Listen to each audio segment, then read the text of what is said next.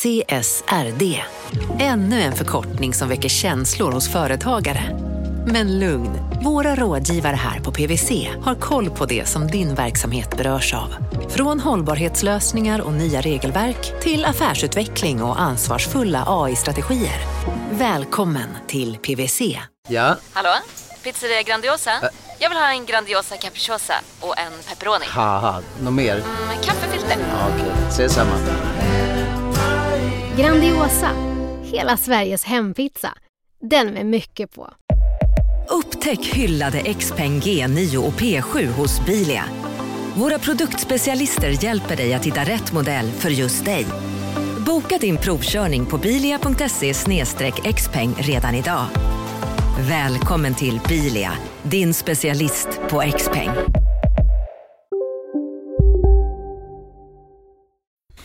Hur låter jag då? Knarrig gubbe. Nej, du låter, framförallt så låter du göteborgsk. Det tycker jag är Ja. jättebra. Okej, Eller?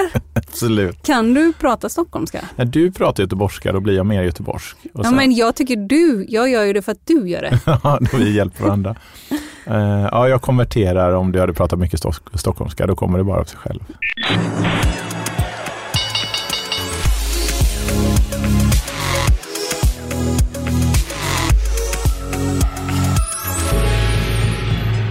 Hej och hjärtligt välkommen till podden Affärsvärlden Magasin. Jag heter Helene Rothstein och nu sitter jag här med Henrik Saxborn.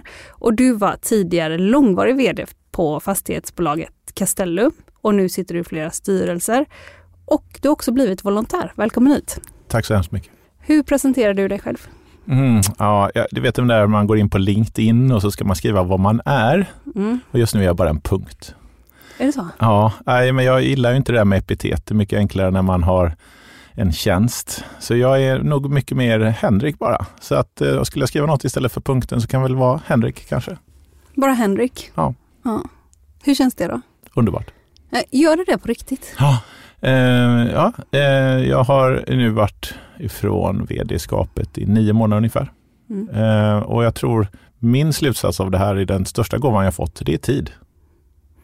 Men eh, du var VD, det var nästan åtta år va? Nio? Mm, nästan nio tror jag. Ja, Ja. nästan nio år. Ja. Och du hade varit på Castellum dubbelt så länge. Korrekt. Ja. Och du hade varit tjänsteman, en, liksom en trogen tjänsteman så länge tänker jag på ett och samma ställe. Hur kommer det sig att du var det från början? Ja, nej men, ehm, jag tyckte det var kul.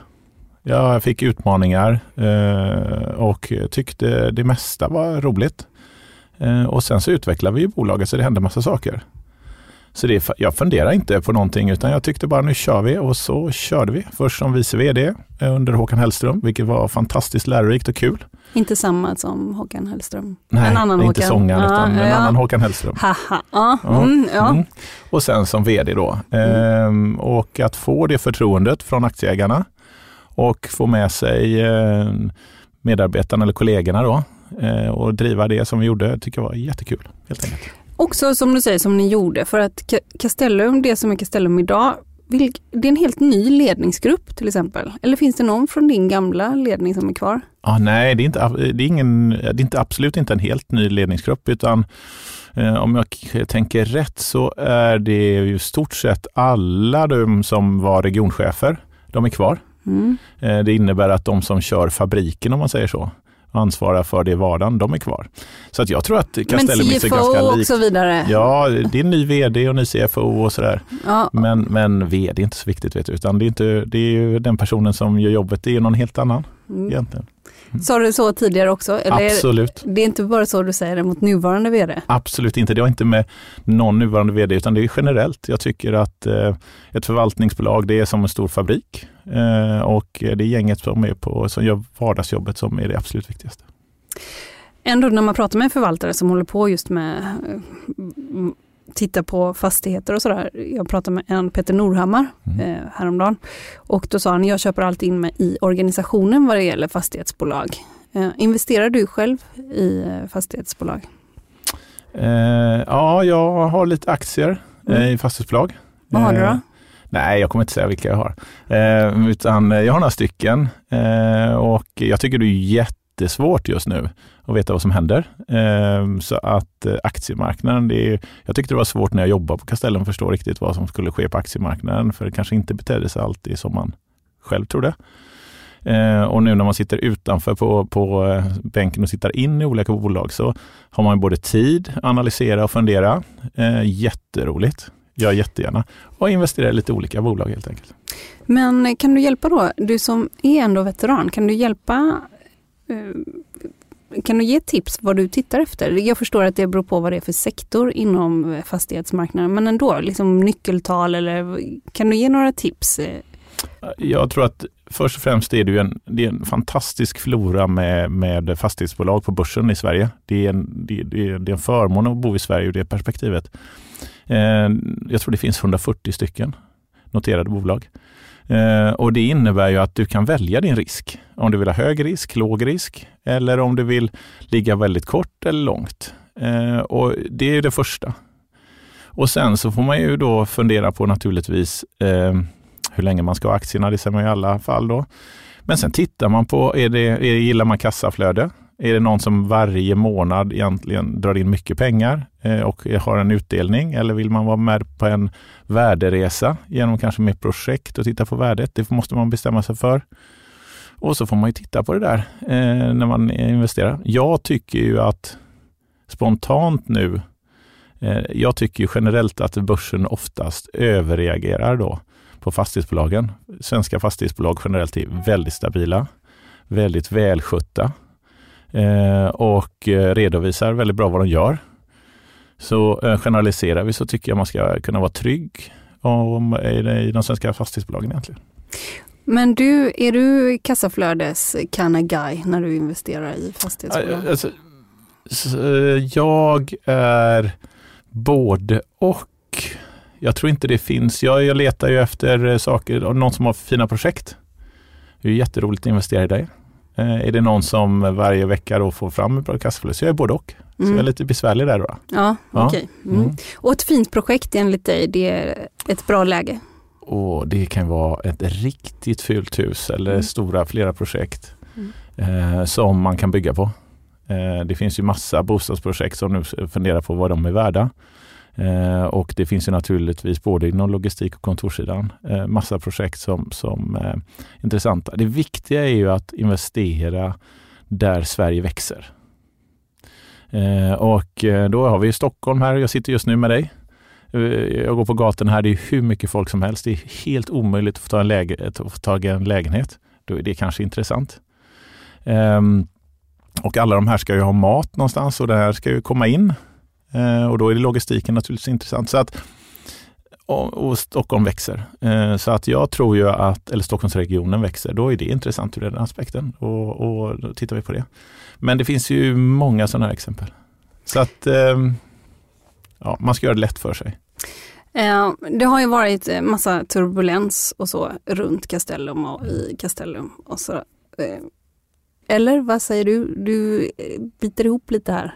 Nej, nej, jag, nej, jag bara funderar på vad du tänker på. Eh, vad det är för turbulens du tänker på? Nej, vad jag tänker på är till exempel att eh, Castellum och Kungsleden gick ihop. Rutger Arnhult har ju blivit jättestor ägare. Han kom också in som ordförande. I samband med det, eller efter det, så slutar ju du som vd och nu är han vd. Och Biljana Persson som hade lett eh, Kungsleden, hon skulle, de var sagt att hon skulle bli vd för nya Castellum. Mm. Så blev det mm. inte, utan det blev som det är i så många andra fastighetsbolag, att storägaren också blev vd här.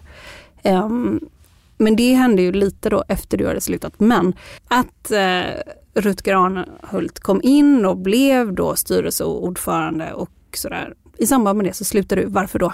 Eh, nej men jag, jag, jag sa upp mig eh, lite efter den bolagsstämman och det, det är många eh, aspekter på det. Man måste fundera på, jag vill skriva ett kontrakt med mig själv eh, och säga okej okay, nu kör jag tre år och då kör jag fullt ut. Och att vara VD för, för ett börsnoterat bolag, är min, på mitt sätt att jobba i alla fall, då, då gör man det eh, väldigt många timmar eh, om året. väldigt många timmar om året och man funderar hela tiden på det här bolaget. Och därför så vill jag skriva ett kontrakt med mig själv. Så att jag valde att sluta eftersom jag inte såg att de förutsättningarna riktigt eh, fanns där som jag tyckte var roliga. Och jag hade gjort det i nio år, så det var ganska enkelt ur den aspekten när jag väl hade funderat färdigt. Eh, och eh, jag ville se om jag kunde hitta på lite andra saker. Och vad, är det för, vad var det för förutsättningar? Nej, jag, jag eh, delade inte stämmans riktiga uppfattning att det var bra med den styrelsesammansättning som blev. Eh, och eh, då eh, kände jag att då var det dags att lämna. Och den styrelsesammansättning som blev, vad var det då? Alltså det var Rutger Arnhult blev ordförande och sådär, var det det? Ja, alltså, nej men det, det, det här är inte... Eh, bolaget förändrades på ett sådant sätt så att eh, då måste jag fundera på om jag kan göra ett bra jobb under de förutsättningarna. Och då tänkte jag, tyckte jag att det, det fanns inte de förutsättningarna och eh, då valde jag att sluta. Och då slutade du. Mm. Och vad gjorde du sen? Ja, sen hade jag eh, dagen efter som jag gjorde min sista arbetsdag då, i oktober, så eh, hade jag bokat ett flyg till Italien tillsammans med min hustru och besökt min son. Eh, hon tycker att jag bokade lite tidigt för vi flög 6.30. Eh, men så hade jag en liten plan vad jag ville göra. Eh, saker jag inte hunnit med hemma. Och sen åkte vi bort några, ett tag. Jag fick förmånen att resa lite. Och efter det så kom ett Ukraina-krig som engagerat mig väldigt mycket.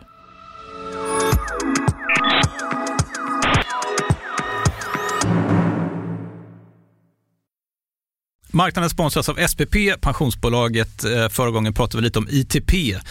Och som en kort repetition så, så var det ju 70-tal, arbetsmarknadens parter bestämde att alla tjänstemän ska ha en tjänstepension. Man kom överens om vilka villkor som ska gälla i den här pensionen och så kallade man den för ITP.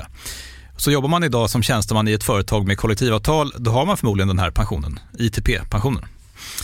Eh, och det är ju så att man kan påverka eh, den här pensionen, hur den är placerad. Vart femte år så gör nämligen Collectum, som de heter, en enorm upphandling där olika pensionsbolag kan ansöka om att få förvalta eh, de här pensionerna. Och SPP är ett av bolagen som valdes ut i den senaste upphandlingen. Och sen kan du som pensionssparare välja eh, vilket av de här olika pensionsbolagen som, som då ska få ta hand om dina pengar. Och tanken med den här upphandlingen är ju att liksom kvalitetssäkra de här olika alternativen eh, men också att förhandla fram stora rabatter så att pensionsspararna ska få ja, kunna spara pengar genom att avgifterna eh, som är så viktiga eh, blir eh, lägre. Och vill man välja någonting i ITP-systemet då finns det en relativt ny sajt som heter avtalat.se. Ehm, där kan man gå in och se hur sin ITP-pension är placerad. Jag gjorde det häromdagen faktiskt. Ehm, idén är att hälften av pengarna alltid ligger i något som kallas för traditionell försäkring. Det här gjorde vi ett avsnitt om i podden Kapitalet nyligen eh, som vi kallade världens bästa sparform. kan man lyssna på om man är intresserad. Eh, den andra halvan eh, den kan man också lägga i en traditionell försäkring eller så kan man placera det i något som kallas för fondförsäkring. Eh, SPP som sagt eh, var ju ett av de fåtal bolagen som valdes ut i den senaste upphandlingen och de finns med som alternativ både med en traditionell försäkring och med eh, fonder. Så det var en liten bakgrund till ITP-systemet. Vill man läsa mer om det här eller typ kolla hur ITP-pensionen är placerad, eh, kanske göra förändringar, då går man in på avtalat.se. Eh, men tack säger jag till SPP som vill göra oss människor mer medvetna om hur enormt viktig pensionen är för oss som en framtida lön, men också som en positiv kraft i samhället eh, och förstås för att ni möjliggör eh, den här podden Marknaden. Nej, men vi, eh, jag hjälpte till att ordna transporter eh, från ukrainsk-polska gränsen till Sverige. Jag kom i kontakt med en organisation som höll på med detta, eller flera organisationer. Eh, och jag hade väl tänkt från början att jag kanske skulle hjälpa till med bostäder i Sverige eller hitta kontakter och sådär. Eh, men eh, jag åkte med och när jag kom dit så eh, till gränsen första gången så såg jag för första gången i livet eh, trafficking på riktigt. Eh, och blev väldigt engagerad och kände att det här, så här kan det inte vara. Va, och trafficking på riktigt, vad, vad såg du då för? Nej, men jag såg att eh, vi, eh, vi såg bilar som kom in och försökte locka eh, kvinnor att hoppa in i, helt enkelt i minibussar eh, och försvann, antingen själva eller med små barn. Eh, och den polska polisen där gjorde ett jättejobb. Man hade inte hunnit riktigt säkra området, det där flyktinglägret. Vilket innebar att, att man jagade bilar ut ur området fysiskt. Eh, och jag tyckte det var fruktansvärt. Eh, och kände att nej, men det är klart vi måste ordna säkra transporter för de här människorna vart de än vill i Europa. Och då tog vi ansvaret för att köra till Stockholm. Då. Du klev ju ändå på en buss, så där har man inte med fastigheter att göra. Hur kom du på bussen? Nej, jag, jag, jag, ringde en person som höll på och organisera eh, de här bussresorna. Eh, de hade varit nere en gång. Jag kom, det här i vecka två i kriget. Eh, och jag ringde och frågade om jag kunde hjälpa till med någonting. Och då hade de organiserat allt men saknade pengar. Och då hjälpte jag till att fundraisa till eh, en resa med fem bussar, tror jag om jag kommer ihåg rätt. Um, och eh, ett krav jag ställde var att jag ska med. Jag måste se hur det här är, vad det är för någonting. Uh, och det jag möttes av var ju ett uh, kaos. Inga eh, statliga myndigheter på plats överhuvudtaget. Bara volontärsorganisationer från hela Europa. Eh, och flyktingläger med 20 000 människor som står i stora varuhus kan man säga. Eh, och allt vad det har med sig och vilket trauma de varit med om. Så jag, jag har aldrig jobbat med sånt här innan, utan det här var min första omgång och min första resa och det tog mig ganska hårt, eller hårt, jag blev väldigt påverkad av det. För jag tänker också, det är ju många som arbetar med människor i nöd och det är ofta liksom långa utbildningar, man tränas ju faktiskt i, i, i det, så att det är inte så konstigt att det tar en hårt kanske. Vi kommer från en miljö till en helt annan och som de människorna också gjorde ju. Eh, faktiskt eh, i krigets eh, början. Sådär. Men kan du säga på vilket sätt tog du dig hårt? Vad hände? Nej, men jag reste ju med, precis som du säger, volontärer som ofta var sjukvårdsutbildade eller hade varit med. Det var några ukrainska volontärer som var tolkar eller sjuksköterskor. Eh, och vi hade svensk sjukvårdspersonal med oss. Eh, och precis som du säger, de är ju vana vid det. Vi övriga som inte har mött det här då, eh, man vet inte riktigt hur man ska hantera det och man agerar ju bara då i stunden och tänker inte på det. Men när jag kom hem, då tror, fick jag i alla fall eh, åka till landet ensam och sätta mig och gråta i två, mm, eh, bara ta in det här som jag hade varit med om och eh, fick gråta egentligen en helg. Det är jätteintressant resa att göra den eh, och också få vara med eh, och förhoppningsvis göra lite nytta eh, som jag tror jag har gjort. Eh, men var en volontärsorganisation som fungerar på ett helt annat sätt än vad bolag gör. Och, och, förutom att man liksom eh, översvämmas av katastrofer, det är ju död och det är trafficking, liksom en otrolig också cynism som väl mm. också måste ändå överraska på något sätt. Även om man har läst tidningen och sådär så ser man här trafficking, hoppa in i bilarna, barn och kvinnor, och, eller? Ja, jag tror det, det, att världen är tuff, det var jag nog beredd på. Men det är väl som alltid, det här är inte på en skärm eller en tv, utan när man helt plötsligt reflekterar några dagar senare om vad, vad, vad man har varit med om. Um, att, man, att man haft med sig en liten pojk på fyra år som är föräldralös. Att man har haft med sig hela familjen som är splittrade och så vidare. och så vidare. Eh, och har man inte varit med om det tidigare så tycker jag det, det skall ju ta på en helt enkelt. Men det är det att det sker, sker i eh, verkligheten och inte på skärmen. Du sa den här pojken var fyra år till exempel. Var det en som följde med på bussen tillbaka eller kan, ja. kommer du ihåg? Nej, vi, eh, ja, det, här är, det finns ju många öden. Hela, hela Ukraina är fullt med människoöden nu. Tyvärr. Eh, och eh, ja, det är, väl tufft och jag kramade både stora poliser och militärer när det kom en liten fyraårig pojk eh, som kom med sina unga kusiner då, till Sverige. Eh, så vi var alla tagna av detta. Du har själv barn eller? Ja, jag har fem barn. 22 till 32. Jag vet inte om man måste ha barn egentligen för att fatta när man sitter med någon fyraåring som inte har föräldrar. Alla förstår väl? Jag tror alla förstår. Ja, alla förstår. Du började med den här bussen och sen mm. hur, hur fortsatte det? Vad har, vad har ni gjort sen? Vi var tre svenska organisationer ungefär som hjälptes åt att ta hand om de flyktingarna från två flyktingläger eh, vid polsk-ukrainska gränsen eh, som ville till Sverige. Och i vårt fall så tog vi dem till Stockholm och någon annan till Skåne och så vidare. Eh, och jag tror vi har transporterat i storleksordningen i vårt fall 700 människor Eh, och har varit fantastiska då, eh, liksom bidrag då från företag och privatpersoner som gjort det här möjligt och bussbolag som har ställt upp och fantastiska volontärer. Och sen har vi, eh, ungefär hälften av dem hamnat på Migrationsverkets lokaler och hälften hamnat i privata hem i Stockholmsregionen. Ehm, och när den strömmen minskade som den har gjort nu så har jag senaste tiden hjälpt till i, och sen i våras, hjälpt till med att eh, ja, egentligen var volontär för den ukrainska föreningen som heter HAG i Göteborg. Som gör ett fantastiskt jobb. Eh, vi hjälper och är ett socialt nätverk för ungefär 1600 människor som bor i Storgöteborg. Eh, så det finns två delar där. Vi tar hand om de här 1600 människorna och där finns eh, skolundervisning, juridiskt understöd, det finns barnpassning och det finns helt enkelt så att de får mat.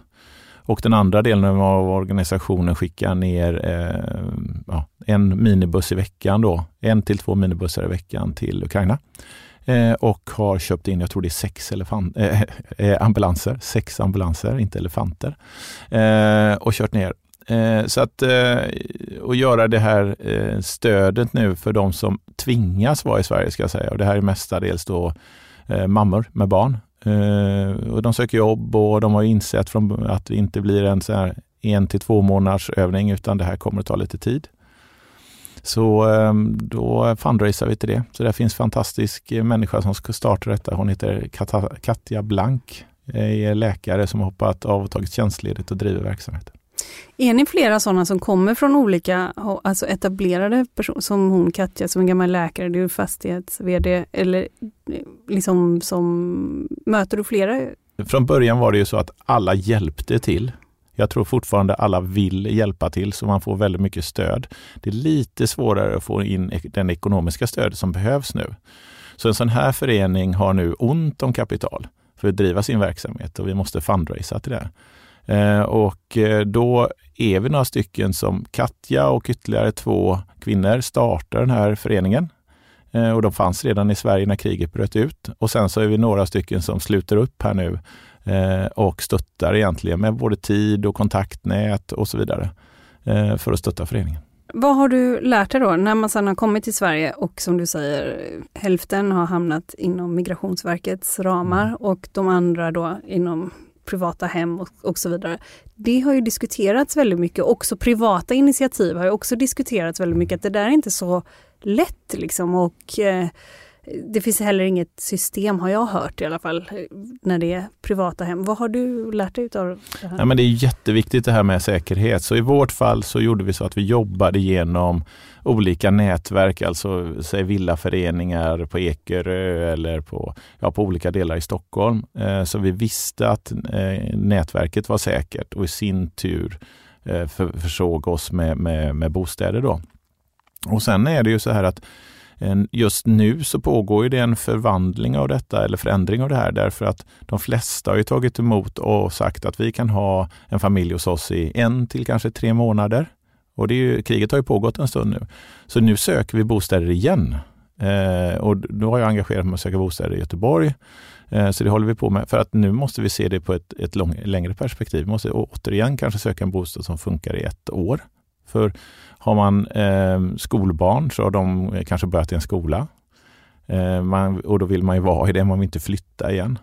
Eh, så att eh, min, det är min erfarenhet. Den andra är att flyktingdirektivet som, som de gäller under är fantastiskt bra. Det är ett EU-direktiv, men det har ingen inkomst, det finns inga pengar. Man får ett litet, litet bidrag.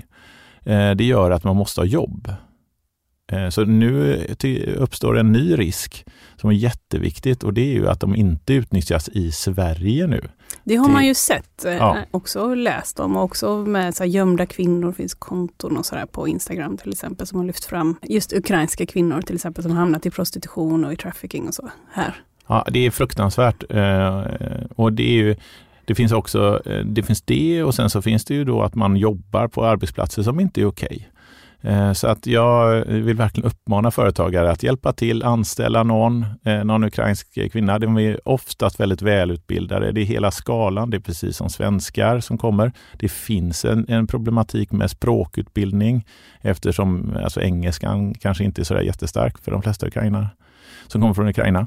Men eh, det är väldigt viktigt nu men också inom bygg och sådär har man väl sett också att det exploateras? Ja, ja det finns säkert flera risk. exempel. Ja, ja. Och, och, och, generellt så handlar det här om pengar. Det här handlar ju om att det ska erbjudas riktiga jobb. Och då får vi jobba lite med olika frågor. Eh, just nu så är bankerna lite motsträviga till att fixa eh, att man får då eh, konton om man kommer från Ukraina om man inte, inte har fantastiskt bra pass. Och då blir det ett problem. Så det är mängder av olika små problem. Men totalt sett tycker jag ju att samhället har hjälpt till, gör ett bra jobb och folk vill verkligen hjälpa till. Men det här måste fortsätta. Tyvärr är det så. Kriget tar inte slut och de här är motvilligt här medan deras män strider. Eller det är ännu värre då, att de inte kan komma hem helt enkelt. Att de inte lever. Exakt. Vad har du fått lära dig om dig själv som du inte visste tidigare? Det är ganska bra att varit vd för, för ett börsnoterat bolag när man kommer ner i en röra och måste fatta många beslut i en volontärsorganisation. Det hade jag nytta av. Eh, så det var förvånande. Eh, det, var något jag lärde mig och sen så eh, imponeras ju enormt utav den vårdpersonal och hur de sliter och hur volontärer ställer upp. Eh, och att en volontärsorganisation kanske inte alltid består av de som har det starkaste ekonomin, utan det är väldigt mycket hjärta. Eh, och det gör att den organisationen blir lite annorlunda att leda helt enkelt, eller verka i. Ja men eh, för din roll i, pratar vi nu om HAG? Eller vilken, eller Nej, vilken, egentligen mer transporterna. Ja, det är mer transporterna. Ja. Rullar de fortfarande, transporterna? Eh, vi, har, vi har lyft några stycken människor den sista månaden som varit väldigt utsatta. Men jag vet att det finns andra organisationer som också behöver stöd. Eh, det finns eh, en organisation här i Operation Aid som är baserat i Stockholm som jag vet ska ner och hämta 100 personer i Moldavien som sitter illa till, som vill till Sverige. Ehm, så att det pågår fortfarande sådana här aktioner trots att de stora eh, organisationerna skall vara där nere så blir det lite luckor där de här volontärsorganisationerna gör fantastiskt jobb. De stora organisationerna, det är Rädda Barnen, Röda Korset, det, det, det, UNHCR det är de, och så vidare ja, som, som, mm. som finns på plats. Finns det något annat du har liksom plockat upp? Eh, att man med ganska små medel kan göra väldigt mycket. Är det så? Ja. ja. Alltså det, det, är ju det här klassiska som man har läst så många gånger men för mig är reflektionen att vi faktiskt kommer väldigt långt med en tusenlapp. Mm. Från eh, så det bidraget och att eh, de pengarna som man har samlat in då eh, från volontärsorganisationerna verkligen går direkt till målet. Kommer du fortsätta med detta? Eh, på något sätt. På något sätt kommer du göra det? Ja, alltså, jag tror inte livet, det går att sluta. Nej, det går inte? Nej. nej. För det tycker jag också man har läst och sådär, som du sa med engagemang eller pengarna, att folk, man trubbas av, folk tröttnar lite och sådär. Eh, men du kommer inte göra det? Jag har full förståelse för att man trubbas av mm. och att det blir vardag att läsa om det där kriget och så. Eh, men när man arbetar med det och ser hur folk lider och vilken sorg det är eh, nästan varje dag då, för någonting som händer. Men också vilken enorm glädje man kan ge genom enkla medel. Eh, barnpassning till exempel. Under, och de hade eh, sommarskola, sommarläge för barnen och hur mycket glädje det Det går inte. När vi, när vi skulle boka den här intervjun så sa du, jag är i Stockholm nu och vi kom till den här konserten som finns på Pride. Jag kommer inte ihåg, vad var det på konsert? Du var med och anordnade någon konsert? Nej, men det här eh, fantastiska gäng, eh, tjejgänget i ja. Göteborg då, de lyckades ta hit Kalos som vann Eurovision Song Contest, så de spelade på Pride. Um, så det var ju bara att försöka fixa en efterfest så vi fick in lite mer pengar. Så det gjorde vi. Just det, för ja. de kunde inte heller ha i Ukraina såklart. Nej. Nej, nej. nej nu, nej, nu har de vunnit och eh, då åker de runt i Europa och spelar, så de spelade på Pride. Så att vi gick i Pride-paraden med ukrainska delen. Eh, och sen hade vi efterfest och då tyckte jag ju att det hade varit jättetrevligt om du hade varit där och spelat in lite. Ja, det hade du verkligen. Och det kunde jag inte helt enkelt. Nej. Jag föreställer mig att du har bytt lite miljö från att du rör dig med andra typer av människor än vad du har gjort tidigare. Har jag fel? Nej, det vet jag inte om jag gör. Eh, vardagen så är man ju inlåst på ett kontor väldigt mycket när man sitter på som, som det jobbet jag hade tidigare. Eh, och det är klart, det är en annan miljö. Eh, och jag passar på nu att inte vara så inne på så mycket kontor utan göra andra saker och röra mig mer. Eh, så det är väl en skillnad. Men sen tycker jag att, att eh, det är inte så stor skillnad. Eh, det är människor som människor.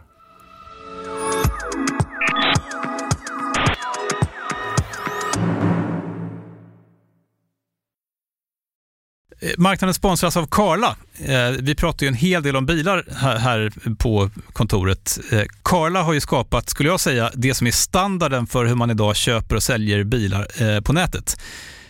Kort bakgrund bara. Karla säljer och leasar begagnade elbilar och laddhybrider på karla.se. Alltså en helt digital upplevelse. Och man har gjort det här med ett nästan maniskt fokus på vad en bilköpare faktiskt behöver. Jag gjorde ju en intervju med en av grundarna, Patrik Illerstig, i marknaden här eh, ganska nyligen, eh, daterad 25 mars, om man vill lyssna på den. Eh, men där berättar han hur de kom in i det här lite från vänster för att försöka uppfinna hela den här liksom bilköpupplevelsen från början. Och de har idag, vilket är rätt otroligt, 4,8 i betyg eh, på Trustpilot. Jag, jag har sett många företagssidor på Trustpilot, men det här är nog bland eh, det bästa jag någonsin sett eh, faktiskt. Man kan sälja bilen till Karla också. Eh, då går man in på karla.se, delar lite info om bilen, sen får man en gratis värdering och ett bud. De hämtar bilen helt gratis i hela Sverige och så har man pengarna på kontot i samma stund som de hämtar bilen. Det är grymt. Eh, så ska du köpa en ny bil eller sälja din gamla, eller båda delar för den delen, gå in på karla.se och eh, kolla. Alltså karla.se och Karla stavas med C. Tack så mycket till Karla.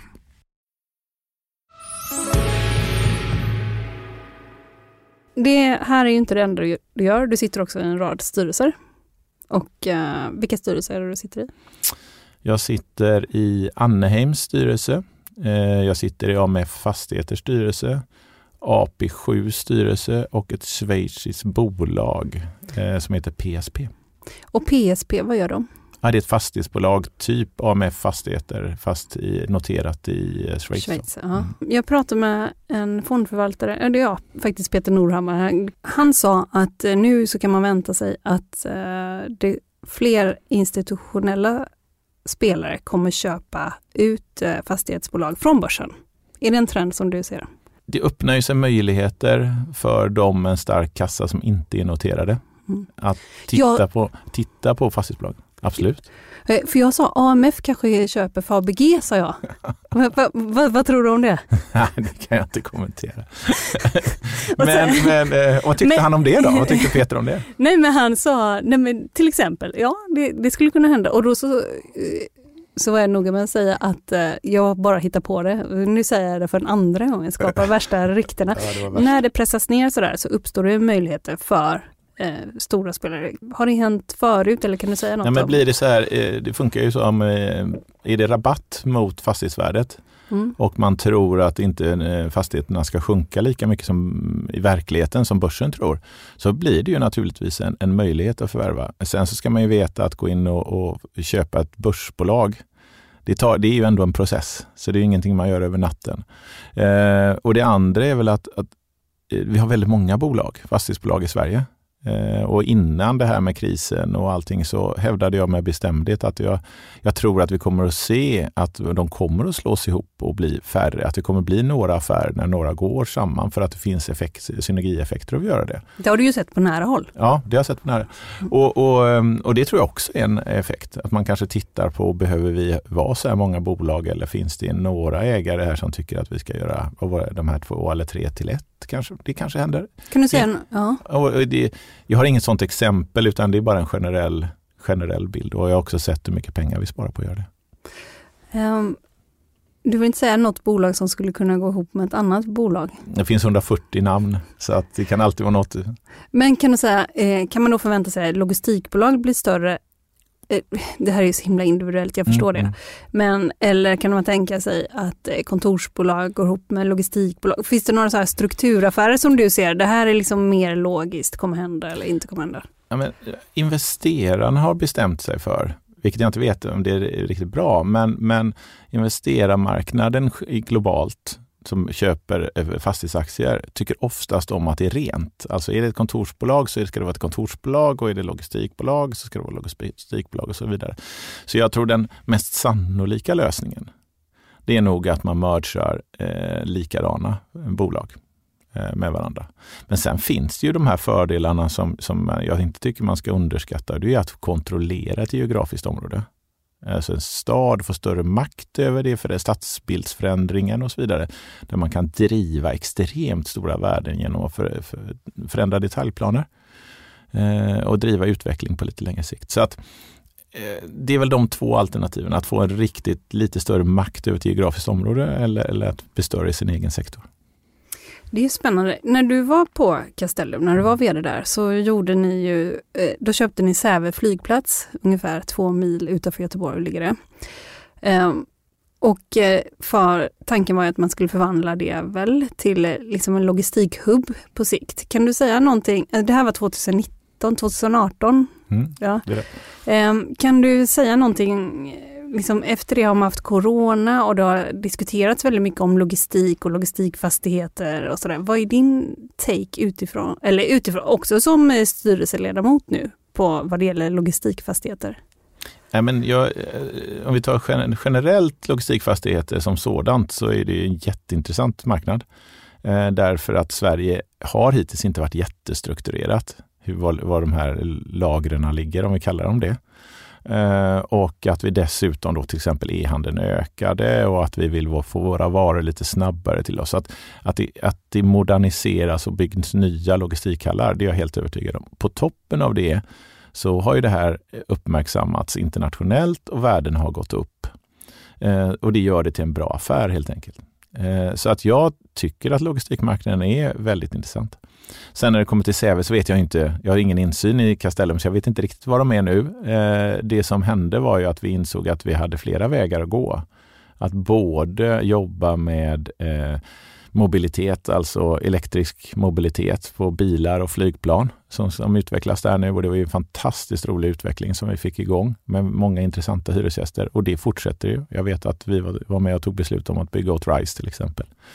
Så att eh, flygplatsen där kommer att bli något helt annat säkert i framtiden, högteknologiskt och förhoppningsvis finns eh, landningsbanan kvar eh, väldigt, väldigt länge. Eh, så att vi, för jag tror att den också har ett stort värde.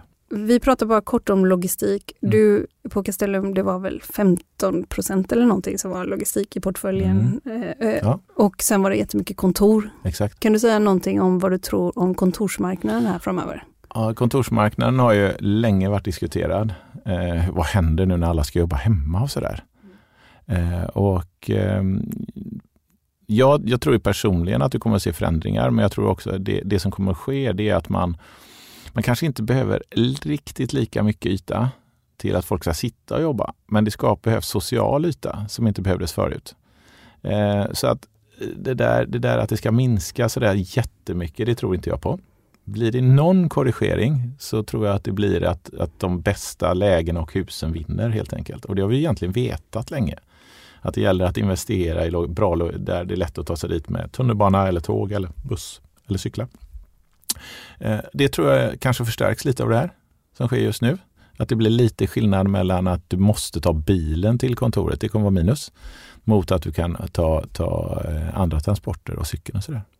Så att jag tror att eh, det gäller att vara bra hus och ha jätteduktiga förvaltare och marknadsförare. Eh, och kanske bli lite tuffare för de som har lite sämre förutsättningar helt enkelt. Uh, men detta som jag sa då att AMF kommer köpa Fabege som jag har hittat på som så kanske inte kommer hända. Det kan hända, vem vet? Um, kan du säga något som på riktigt håller på att hända där? Ja, men jag, jag tänkte på, uh, spontant så kommer jag tänka på förändring av gallerian ja. som AMF äger. Ja. Där vi såg att Ikea nu öppnar ett varuhus mm. Mm. mitt längst bak i, mm. och det är ju jätteroligt. Jag var själv där idag och såg hur mycket folk det var. Det var så mycket folk så, så det var svårt att ta sig igenom gallerian och då måste man ju börja fundera på herregud, vad, har alla börjat shoppa så här mycket nu? Eh, så det ska bli jättekul att följa utvecklingen och också det som man har lyckats få in Ikea då, i gallerian. Och finns det något annat där du kan säga, till exempel Sjunde AP-fonden, gör de något roligt på fastighetsmarknaden just nu? Nej, Sjunde AP-fonden är jag alldeles ny i, men de har ju fått nya direktiv då eh, av regeringen. Eh, där man ska förändra sin allokering till mer indirekt innehav. Och det är den, den stora saken på den jättestora fonden som AP7 är. Men de har också tagit in en fastighetsveteran där. Eh, Ja, och, Ja. och hållbart intresserad människa. Ja, just det. Ja, just det. Det ska vi inte glömma. Okej, eh, om jag träffar dig om ett år, då gör du vad då för någonting? Jag tror jag gör ungefär samma sak som jag gör nu. Nej? Ja. Tror du det? Ja, jag tror det. Du vill inte bli börs-VD igen? Nej, Jag känner eh, nu eh, så ligger inte det i planerna. Mm. Vad gör du när du inte volontärar och sitter i styrelse? Vad gör du för något idag? Eh, ja, med familjen och sådär tänker jag, men på, på tisdag ska jag gå på ÖIS. Öjs, du öjsare? Ja, jag, har blivit det för min farbror, han lånade mig en dag och eh, gick på ÖIS-match för han var jätteöjsare. Eh, pappa gick aldrig på fotboll och sådär. Eh, och då lånade, ordnade han på något sätt så jag vann en nalle. Jag vet inte hur det gick till och jag måste ha varit 6-7 år kanske. Och den där nallen den var ju ÖIS-nalle, så den stod ju på min säng.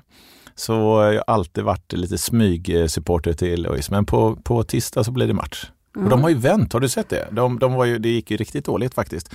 Eh, men nu har de vänt och tagit eh, många poäng på slutet. Så nu är de mitt i serien någonstans. Så då fotboll, musik, vad lyssnar du på? Oj, oj, oj, nej men jag är ju så dålig på musik. Nu såg jag att eh, på vägen hit så eh, lyssnar jag på U2 till exempel. Vilken låt då? Åh nej, fråga inte. Eh, det kan jag inte, jag kommer inte ihåg. With or without you kanske? Ja, det kanske. Ja. Without, without you. Eh, förutom att du sitter i styrelse så, här, så vet jag också att du är rådgivare åt något fastighetsbolags VD. Ja, det håller jag på med också. Vem är det? Nej, det kommer jag inte avslöja. Är det Ola Serneke? Nej, det är inte Ola Serneke. Eh, Men det var ju faktiskt han eh, som bidrog väldigt mycket till att jag hamnade på de här bussarna. För jag ringde Ola, eh, för han hade varit med och bidragit till att de här bussarna kom igång före mig och sponsrat eh, en av de här bussarna och hjälpt till. Och då ringde jag och kollade vad det här var för organisation. Eh, så, så där hjälpte Ola mig, eh, men jag är inte rådgivare till honom. Det tror du bara för att han är göteborgare? Ja, Ja, nej, det är inte Ola men ni känner varandra. Ja, vi känner varandra. Men han är inte VD va, längre? Är, han Nej, det är korrekt. är det Erik Selin? Nej, det är inte Erik heller. Det är inte så många kvar snarare om det är Göteborg. Ja, ja det, det, men det kan vara någon utanför. Kan du säga någonting om fastighetsmarknaden i Göteborg? Det har ju ändå hänt väldigt mycket om vi tar Ola Serneke och Karlatornen till exempel. Har du varit inne i något Karlatorn? Nej, jag har inte varit det. Det skulle vara kul. Det ska bli kul att få se när det är färdigt. Ehm, ja, men jag tror ju, alltså det är ju så här, Göteborg växer ju. Göteborg har ju den senaste tiden bevisat att man faktiskt är en väldigt bra investeringsstad. Så jag tycker det är roligt i min gamla hemstad. Ehm, och det byggs ju batterifabriker så det knakar och det går ju bra för, för de här biltillverkarna och även medicinsidan. Så att stan växer ju.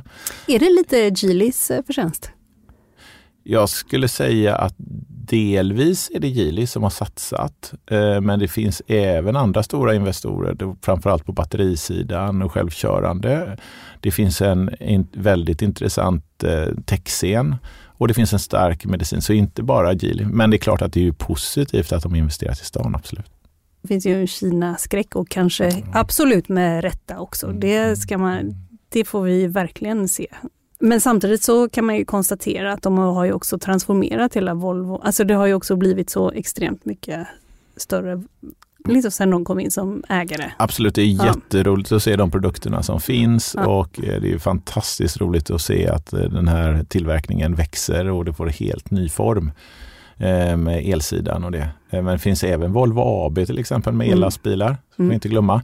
Eh, Och det finns för andra intressenter, det finns eh, drönarutveckling eh, som är stor i Göteborg och framförallt finns det några bolag runt Säve och så vidare. Så, vidare. så att det finns väldigt mycket. Men, men jag tror att eh, den här, det, det måste ju finnas utvecklingshubbar kring elsidan och hur transporter ska gå till och man får möjlighet att testa. Här blev Säve eh, ja, efter vi har köpt det till, till en, en sån satsning och det är ju jätteroligt.